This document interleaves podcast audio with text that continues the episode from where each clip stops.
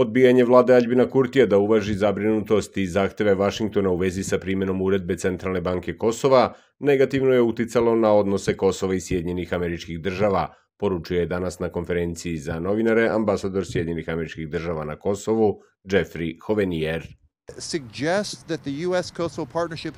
Svaka sugestija da partnerstvo Kosova i Sjedinjenih američkih država nije ugroženo i da neće biti ugroženo ovakvom situacijom moram biti jasan, to jednostavno nije istina.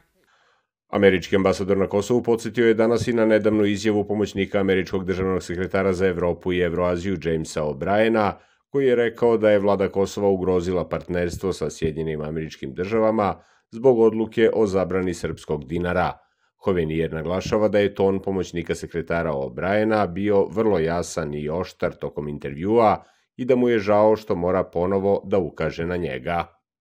He asked for partnership with the government of Kosovo on this issue. Tražio je partnerstvo sa vladom Kosova po ovom pitanju. Izrazio je žaljenje što Kurtijeva vlada nije odgovorila na naše zahteve. Bio je jasan da ako premijer Kurti, citiram, ne bude nas tretirao kao partnera, to dovodi u pitanje koliko partnerstva mi možemo imati sa ovom vladom.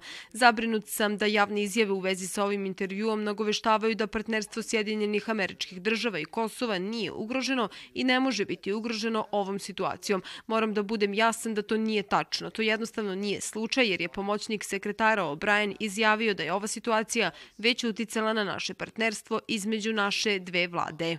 Hovenijer je ponovio stav Sjedinjenih američkih država da se primjena uredbe Centralne banke Kosova o zabrani dinara u vezi sa platnim prometom treba odložiti. On je naveo da se Sjedinjene američke države ne mešaju u to kako će Kosovo da reguliše svoj finansijski sektor, niti koje mere preduzima za smanjenje rizika od finansijskog kriminala, kao ni u Ustav Kosova ili autoritet Centralne banke Kosova, već su, ističe, pozivali vladu Kosova da odloži primjenu uredbe, jer je potrebno mnogo pripremnog rada kako bi se sprečile posledice po pripadnike nevećinskih zajednica.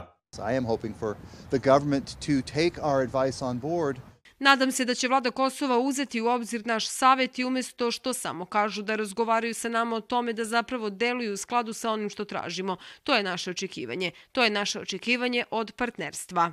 Hovenijer dodaje da su od vlade Kosova u vezi sa ovom uredbom zatražili dve stvari.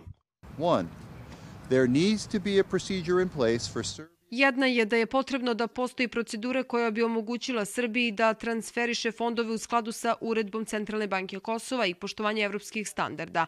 Za uspostavljanje takvih procedura potrebno je razgovarati u okviru dijaloga. Pozivamo Kosovo i Srbiju da se konstruktivno angažuju oko toga. Do tada je neophodno da se nađe u prelazna rešenja koja bi omogućila Srbiji da nastavi da osigurava fondove za socijalne usluge kao što su penzije, pomoć samohranim roditeljima, socijalna pomoć, zdravstvo i obrazovni sistem sistem.